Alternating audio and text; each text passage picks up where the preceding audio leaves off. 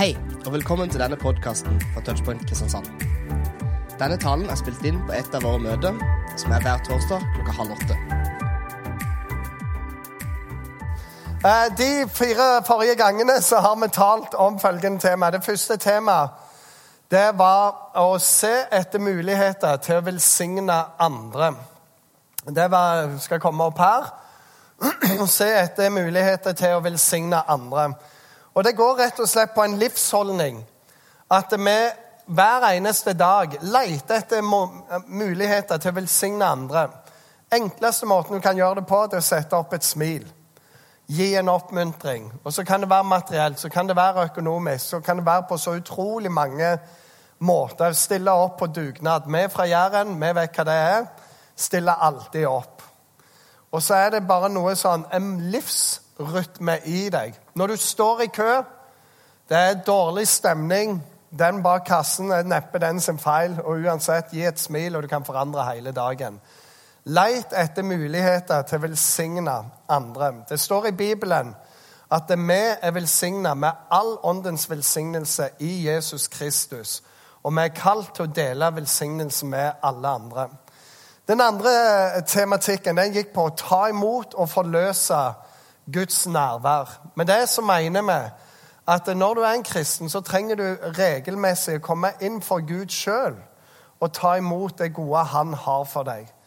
Vi vet at eh, det Gud har for oss, det fører til fred. Hans eh, banner over oss står det, det er kjærlighet, og det er overskriftene hans. Gud er kjærlighet. Han har gode ting for oss. Han har en god plan. Vi trenger å komme inn for ham. Og likeledes så trenger vi å kunne forløse det til andre. Det er òg en måte å velsigne andre på. Og ikke bare tenke at det er inni et kirkerom alt dette skal skje, men at det skjer der som vi lever. Gi og ta imot Guds velsignelse. Og det tredje eh, gangen da var det dette å stille spørsmål. Vi liker mange av oss å snakke om oss sjøl, om hva vi holder på med.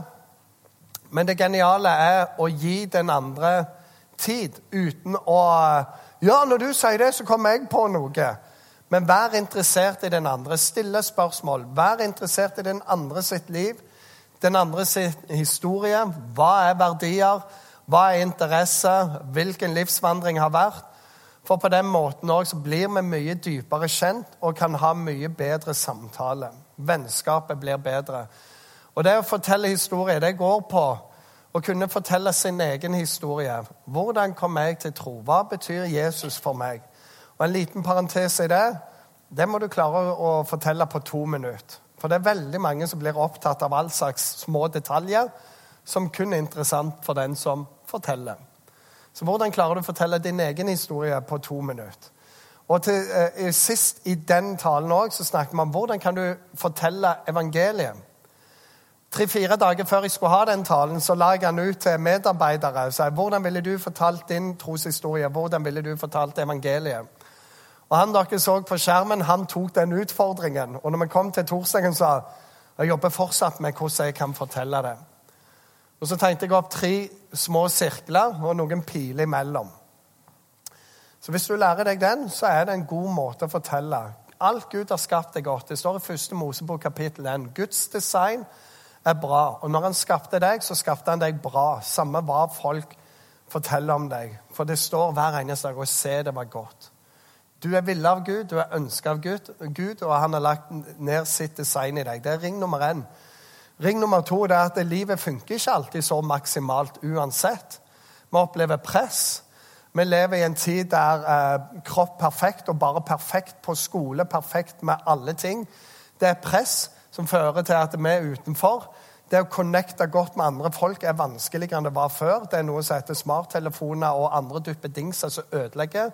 Vi er tilgjengelige, men det er vanskelig å være til stede og få disse dype samtalene.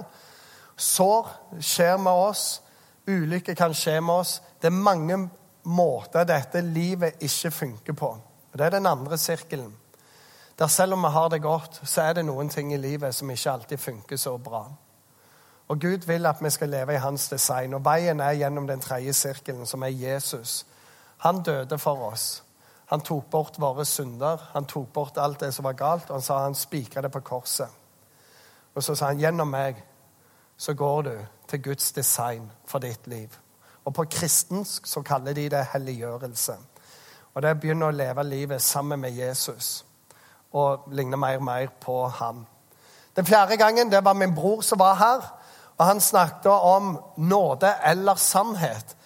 Og det er Noen er så veldig nådefulle hele tida at det fins nesten ikke sannhet. Her skal vi bare glemme, her skal vi bare tilgi. og Av og til kan det jo se snålt ut hvis to har krasja skikkelig, en har kjørt inn en annen, og tredjemann kommer bare til bare tilgir. Det er så nådig alt i sammen. Så er det noen som sier det må være litt sannhet, mens andre de har vel mye sannhet. Og clouet for oss det er at uh, meg og deg vi pleier å ende, ende, i en av de to. Enten er du ekstremt nådig, eller så er du ekstremt sannferdig. Rett er rett, og ingenting annet. Og, og så er noe av det vi må prøve å plukke opp, det å få den gode miksen mellom de. Nådefull sannhet og sann, sannhetsfull nåde. Så det snakket han om. I dag så skal jeg snakke om egentlig to temaer i en tale, så dette blir veldig herlig. Det kommer til å gå veldig fort. Men det handler om å være i tjeneste, og det handler om å by folk på mat. Og det, det kan jeg bare si det siste der. Det er sånn amen. For jeg har alltid vært sulten.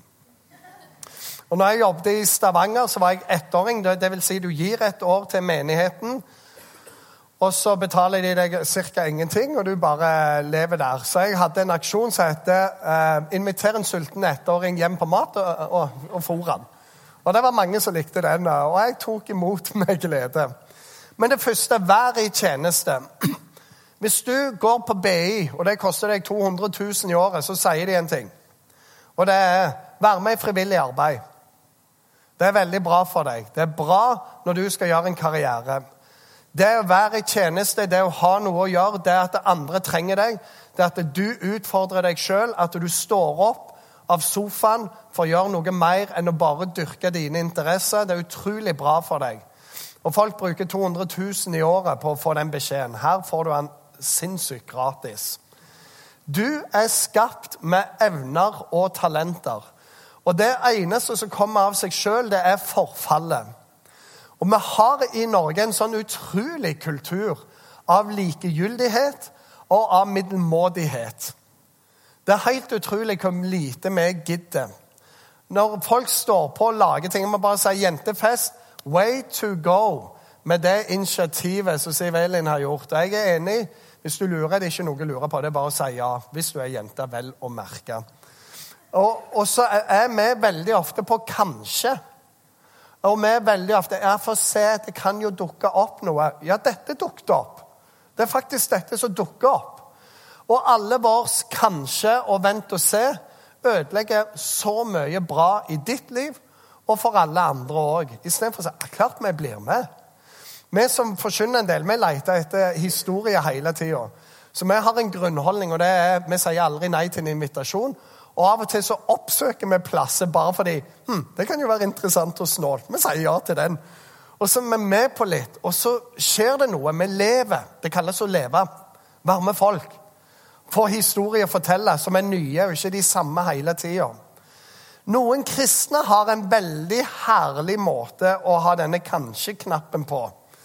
Du, Vi trenger noen til det. Vi trenger noen til det. Jeg vet ikke helt om det er min tjeneste. Og det er en ufattelig god måte å si nei på. Du har bare åndelig gjort det. Du kan ta en enda mer åndelig. Nei, jeg føler ikke ledelse i den retningen. Eller det har ikke Gud talt til meg om. Ja, hva gjør du for tida? Nei, bare vent og søke. Ja, hva søker du? Nei, den store planen. Og så, og så er det bare sånn Er det mulig? Er det mulig. Og det, er, jeg er så glad for at det ikke er jeg som skal stå til ansvar for ditt liv, men det er du sjøl. For her er måten å vente på, og her er måten å finne ut hva du er designet for. Si ja! Du, Vil du være med på det? OK. Jeg kan det ikke. Og det er din feil hvis det går bra, uh, feil. Ja, ja. Hvis du er med meg, så sier jeg det er helt greit, det. Men bare prøv. For du kan plutselig finne noe du elsker å gjøre, når du sier ja. Vi har en her i salen som var vitne. Vi var på en vinterleir. Og han sa følgende Jeg liker jo egentlig ikke sånn forbønn og sånn, så, men plutselig så var jeg meldt opp til det. Skal jeg be for andre? Og så fant jeg jo ut jeg likte det jo kjempegodt. Han måtte bare si ja først. Jeg har ei som jeg er svigerinne til. Jeg skal ikke nevne navn, men eh, Thomas heter mannen. Han jobber på Ansgar-skolen.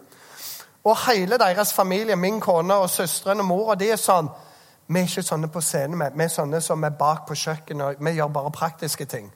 Så hun hun, eh, hun trodde hun var sånn, så begynte hun på Ansgar bibelskole. Problemet der er at de har et gospelkor, og da må du stå på en scene og synge litt. Heldigvis er dama bare 1,62, så hun stilte seg bak de andre. Da kunne ingen se henne. Men Ansgar-koret har en dirigent som kalles for Syver. Og det som er interessant med Syver, det er at han lager alltid sånne svettemønster på T-skjortene sine. Så det er ganske interessant å se på. Blir det et hjerte, eller hva blir dette her, før det bare er over? Og så vet alle at Syver han holder enhver konsert, og så er han hos resten av turneen. Sånn? Og så er det noe med energien og livet der. Han så hun syntes det, det, hadde vært gøy å sett han i hvert fall. Så neste gang så var hun ett hakk fram. Tredje gang så var jeg ett fram, og plutselig så sto hun fremst med mikrofon i hånda og sang. Og bare elsket det. Så kom hun inn, Jeg jobbet på Ansgar på det tidspunktet, kom grinende inn en dag. For det var ei annen som hadde tatt mikrofonen hennes. Og jeg gjorde akkurat sånn som dere gjorde nå. Jeg lo. Og jeg lo. Jeg er veldig god sjelesørger. så jeg lo og lo og lo, så sa jeg 'hør her'. Jeg kan ikke si navnet på Silje. Så sa jeg 'hør nå her, Henriette'. For tre måneder siden så sa du at du ikke ville gå på bibelskolen, for du måtte stå i koret. I dag så sitter du og griner fordi du ikke får mikrofonen. Skjønner du? Det har skjedd noe. Året etterpå så reiste hun med Nordmisjon og forkynte to ganger i uka rundt omkring på Sørlandet. For hun fant noe av det hun var designa for. Tjeneste er veien til å finne ut hva du er designa for. Ikke å sitte på sidelinja. Du finner ingenting ut der. Og så er det en annen ting òg. Når du er vant med å ta avgjørelser, så er det nokså lett å ta en avgjørelse. For hvis du bommer, så er det bare til å ta en ny avgjørelse. Og Jo mer avgjørelser, jo lettere er det å begynne å treffe på dem. Hvis du vegrer deg for å ta avgjørelser, så er det vanskeligere og vanskeligere. Og den avgjørelsen må jo være helt presis. Og hvis du bommer da, så tar du i hvert fall ingen mer. Så det er noe å komme i denne rytmen av å si ja, av å beslutte ting og være underveis og tenke at jeg blir bedre underveis. Jeg vet ikke om du har sett eh, sånne stupere de skal jo ta noen piruetter, så skal de lande akkurat på et punkt. Når de trener, så første hoppet det er ikke akkurat sånn Så var de bare vekke, og ingen bølger. Det er litt, De treffer litt her og der, men de må om igjen og om igjen og om igjen. Og etter en stund så lærer de å treffe blink. Så mitt hovedbudskap med Vær i tjeneste, det er si ja. Det fins så mange muligheter for deg å være med. Det fins en bieffekt som heter 'du blir kjent med andre'. Og I Touchpoint så er vi såpass mange at vi tror det er veldig vanskelig å bli kjent på møtene og i kafeen. Derfor har vi Connect-gruppene. Derfor har vi tjenestene, for vi tror de er de to enkleste veiene inn i dette. Og Hvis du legger merke til Jesus i Bibelen Det var ikke lenge rundt Jesus før de fikk noe å gjøre på. Du, du gjør det, og du kan gjøre det, og du gjør sånn, og du sier det, og du går og kjøper det. og dere henter de tingene. Alle var med i aktivitet med en gang, fordi det er det naturlige. Så du risikerer å få venner. Det andre du kan risikere, er at du finner noe du liker, så det endrer noe av holdningen for livet. Men du får noe av designet ditt. Hva du egentlig skapt for. Som kan være en ting som ikke var vanlig i din eh, omgangskrets, der du kom ifra. Eller den rollen du bare fikk av noen. Og så kan du få en ny rolle, mer i deg. Og så kan du ha det veldig mye gøy. Det står i Bibelen at det første underet Jesus gjorde, det var å gjøre vann om til vin i et bryllup. Og de eneste som fikk med seg det underet, det var de som gjorde tjeneste på kjøkkenet. De andre bare sånn 'Du spart den beste vinen til nå. Hvor, hvor tosk er du?' liksom. Mens de som var på kjøkkenet, visste det der er ikke, dette er ikke vin. Dette er Jesus som gjorde vann om til vin. Det er sånn absolutt Jesus. Så, så, de visste det var annerledes. Og vår erfaring er, vi som tjenestegjør mye, vi får òg lov å se ofte på baksida av det som hender. Så vær i tjeneste. Si ja. Her i kirka hver tirsdag så har vi barnearbeid. Hvor de trenger andakter, hvor de trenger folk til å lage mat. Speiderledere folk med i korarbeidet, folk med i gutteopplegget. Det er hver tirsdag. Hver annenhver onsdag så er det tenåringer her som inne halvannen time. Åttende klasse, niende klasse, tiende klasse, så er det videregående. På kjøkkenet så lager de noen hundre vafler eller noen brett brownies hver annen onsdag.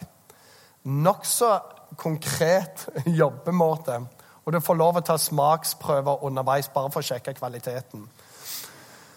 Og så er det gruppeledere på disse onsdagene. Det er et arbeid som heter Sagbruket, som òg er for folk over 18 år, som er oppe her på loftet annenhver onsdag. Og det er mer kaféstil over det. Utrolig herlig atmosfære. Trenger ledere. Trenger medarbeidere. Så er vi på torsdagen her. Vi trenger alltid folk til det aller meste. Fredagen så er det rundt 200 ungdommer som kommer her på tenåringsmøte. Skikkelig god gang. Og igjen trenger folk. Vi har søndager som nesten hver søndag må vi åpne sidesalene her. Og vi trenger folk til det meste. Så du kan være i tjeneste gjennom hele uka. Det er ikke det at det ikke passer. Det var bare det at det var ikke min tjeneste, og Herren har ikke talt om akkurat det. Bare si ja til noe, og så blir du med. Oppi det hele så er det jo noe herlig at eh, dette Guds design med oss, det gjelder jo òg. For det er jo det kjekkeste når du får gjøre noe du liker å gjøre. Og Det står i 1. Korinterbrev, kapittel 12 og vers 28. leser vi. Gud satte kirken først, noen til apostler. For det andre profeter. For det tredje lærere. Deretter mektige gjerninger, nådegave til å helbrede, hjelpetjeneste, styringsoppgave, ulike tall. Slag av tungetale. Jeg er nokså tett i pappen i dag, så kommer litt feil ut. Eh, og vi snakker, og Det står veldig mye før og mye etter her, men vi samler ofte inn i fem tjenester. Apostel det er den første. Apostler det er sånne som starter ting.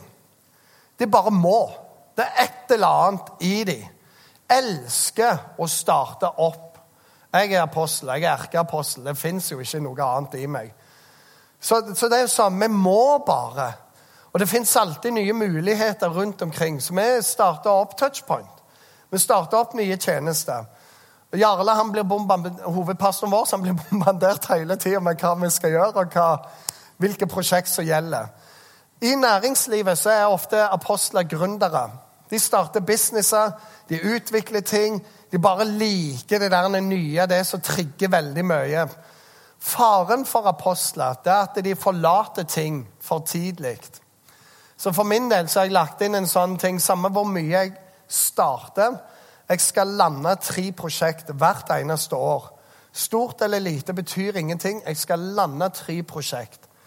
Lande prosjekt det kan være at jeg har sendt en trailer til Romania med, med hjelpesending. Det er å lande prosjekt. I år så bygde jeg en frukthage for hele nabolaget vårt. For at det er jo koselig å ha 20 epletre, noen pæretre, noen plommetre, noen ripsbusker, noen solbær og noe rabarbra. Så det lander jeg, for det har vi planta ut. Og så håper jeg vi får lov å sette opp honningkuber og veldig sånn go organic Justneshalvøya. For det, det, er kult. Og så liker jeg at ungene skal lære å forvalte jorda og plukke og høste. og og så litt med naboer og sånne ting. Så jeg har, jeg har tenkt at vi skal lage den store høstdagen. Så skal vi lage eplepai og dekke langbord. Vi arrangerer vinterkino for gata, eh, vår, så litt sånne ting. Så lande sånne ting. Når jeg kunne gi Justnes misjonskirke videre til neste pastor Clemente, så var det sånn OK, nå lander jeg menighetsplanting. Så for meg som gründer så betyr det ikke noe om jeg planter noen epletrær eller om det er en menighet jeg starter, eller om det er en bedrift som begynner å gå veldig bra. Men jeg skal lande tre ting. Mange gründere, største feil, de forlater ting akkurat idet det begynner å ta av. Den andre store feilen de slutter aldri. Så de ødelegger alt det de bygde opp. Og, og vi må ha i oss at vi gir det videre, og så må de få gjøre hva de vil med det. Og antageligvis så gjør de det annerledes enn hva du ville ha gjort det. Og antageligvis så er det bra. Så det er å være en apostel Så i næringslivet så er du en gründer. Profeter står i Bibelen om at det ble profetert Det var noen som så det kom en hungersnød. Så de begynte å samle inn eh, mat og penger sånn at folk ikke skulle lide nød. Så er det flere ganger Gamle testamentet med Josef som varsler varsla sju uh, uår. Vi ser det i Apostelens gjerninger med Agabus som kommer kom og profeterte. Og det kan være ulike slag. Men profeter er folk som ser noe som skal komme. Og så varsler de om det. Går til lederskap, forteller. Profeter har ofte òg med seg noe av bønnen. Fordi de må lære seg å be ting igjennom, og, eller sette opp en vold for det. I næringslivet så er gjerne dette folk som driver med utvikling av produkter, ingeniører, andre ting, for de ser framover. Ikke sånn som apostelen som bare er helt der ute. Men de ser hvis vi kan lage et produkt her og vi kan gjøre disse tingene, så er dette veldig bra, og det vil føre til Profeter er utrolig viktig. Den tredje tingen som egentlig Det står ikke her, men det er evangelist. Evangelister. Det er sånne som går på bibelskolen, men ikke trives der. For det er altfor mange kristne. Det er de som ikke ser så veldig fram til himmelen. For det er jo bare kristne der òg.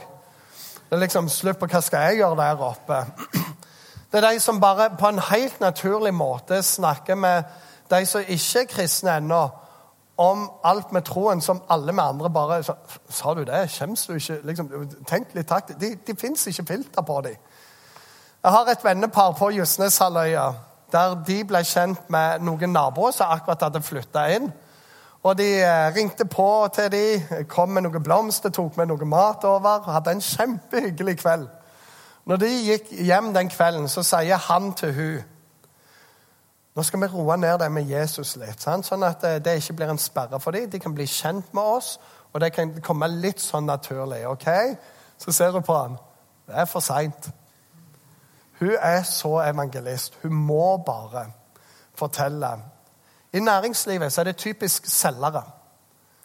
Folk som elsker salg som bare står der og smiler. I dag så har jeg vært og møtt en av mine favorittselgere. Han kan selge meg hva han vil. Jeg sier ja uansett. For hva enn han presenterer, så er det med et smil. Og det er så sinnssykt bra. Og jeg har gjort en så utrolig god deal. Hele lommeboka mi er tom i mange måneder, men du verden for en deal jeg har gjort. Og Jeg har et par andre sånne selgere òg. Jeg husker en, jeg hadde kjøpt et produkt. Det var så dårlig. Jeg brukt over 1000 kroner. Og så klarer han å få meg til å le av hele greia, og alt er OK. Det, er sånn. Du kjenner sorten. Og så Det er bare naturlig for deg. Jeg skjønner ikke hvor de får det fra. Jeg er mer sånn samvittighetstynge. De får pengene tilbake med rente igjen og et nytt produkt gratis. og alt slags sånn. Fins jo ikke. Men det er selgere.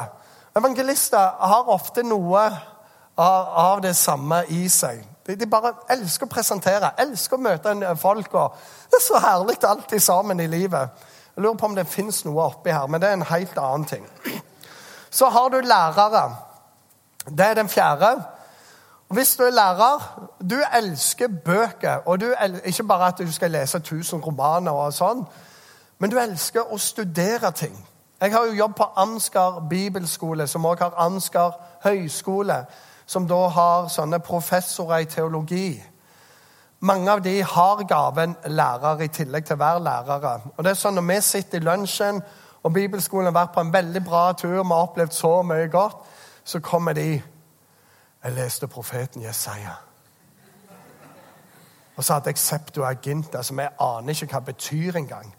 Og så tok jeg den sammen med en annen oversettelse. Og så vet du hva? Når jeg så på den hebraiske grunnteksten, så så jeg på noen tødler jeg ikke har lagt merke til før. Og Det hele kristologiske, eschatologiske perspektivet som starter en intrasubjektiv korrelasjon mellom dette verset. Vet du, Vi er langt av gårde. Aner ikke. Og du ser det lyse i øynene på dem. Den tøddelen, den har forandra livet mitt. All right. All right. Forskere i næringslivet Folk som finner ut av ting. De må. De er ned i dybde, ned i detaljene. Leger, nerder, andre sånne bare lenger og lenger, lenger ned. Hvis de taler, så taler de alltid for lenge. For det er alltid mer å si om det temaet. Mens evangelisten skjønner ikke klarer du å holde på mer enn fem minutter. Du har jo sagt alt det. Jesus er frelsa, ferdig med det. Sånn, mens de nei, nei, nei, her er det mer rikdom. Så vi har ingen lærere som skal ta neste serie 'Jeg har mine tvil', for de har, de har så sinnssykt mye tvil. Det er så mye å fortelle om disse tvilene her. Så det er lærer. Den siste, det er hyrdene. Gjeterne. I næringslivet så er det ofte sykepleiere, omsorgsarbeidere. De, de bare bryr seg om folk hele tida. Jeg er gift med ei som alltid bryr seg om de som faller utenfor. Og vi må invitere hjem den og den som sliter, og de som har det sånn. og Vi må huske på og Hvis det er noen som kommer og forteller et eller annet trist, da sitter penger løst, og tida sitter løst, og alt i sammen sitter løst hos Katrine. Har fortsatt omsorg for dem, og vi må huske på dem, og vi må be for dem, og vi må besøke dem, og vi må gjøre byrden deres mye, mye lettere. Omsorgspersoner, hyrder, de er gjerne med i forbønn. De er gjerne medvandrer. De er med når, når, vi skal gå litt sakte fordi vi skal ha helbredelse på det indre plan. Så apostel, som bånn gass i nye prosjekt, profeten som ser framover, evangelisten som bare må være ute, og her er det bare muligheter alltid, læreren som fordyper seg, og hurden som har omsorgen. Og så fins det egentlig mer sånne ting òg. Clouet er du er designa på en sånn måte, og, og snittet av deg med gaver du har, nådegaver du får, personlighet, hva som tenner deg, hva som irriterer deg, hva som gleder deg, erfaringen du har i livet Det er så mye miks av deg som gjør at du har en helt unik profil. Oppi det hele, vær i tjeneste hele tida. Fordi der finner du det. Du finner ikke det på pausebenken, men du finner det på banen. Du må være på ballen, som vi sier på fotballspråk. Så vær i tjeneste hele tida. Når du er det, så er du med og drar lasset. Vi pleier ofte å si det i touchpoint vi samler våre medarbeidere. Det er vi som står i sammen om det. De på scenen, de teknikere, på gangen med kaffen, ute i kafeen, Connect-gruppene, social. Vi er sammen om dette. Til sammen blir dette bra. Og det er alltid plass til flere. Så det er den første tingen. Den andre tingen som vi skal snakke om, det er å dele måltid. Og du skal få se en nydelig video.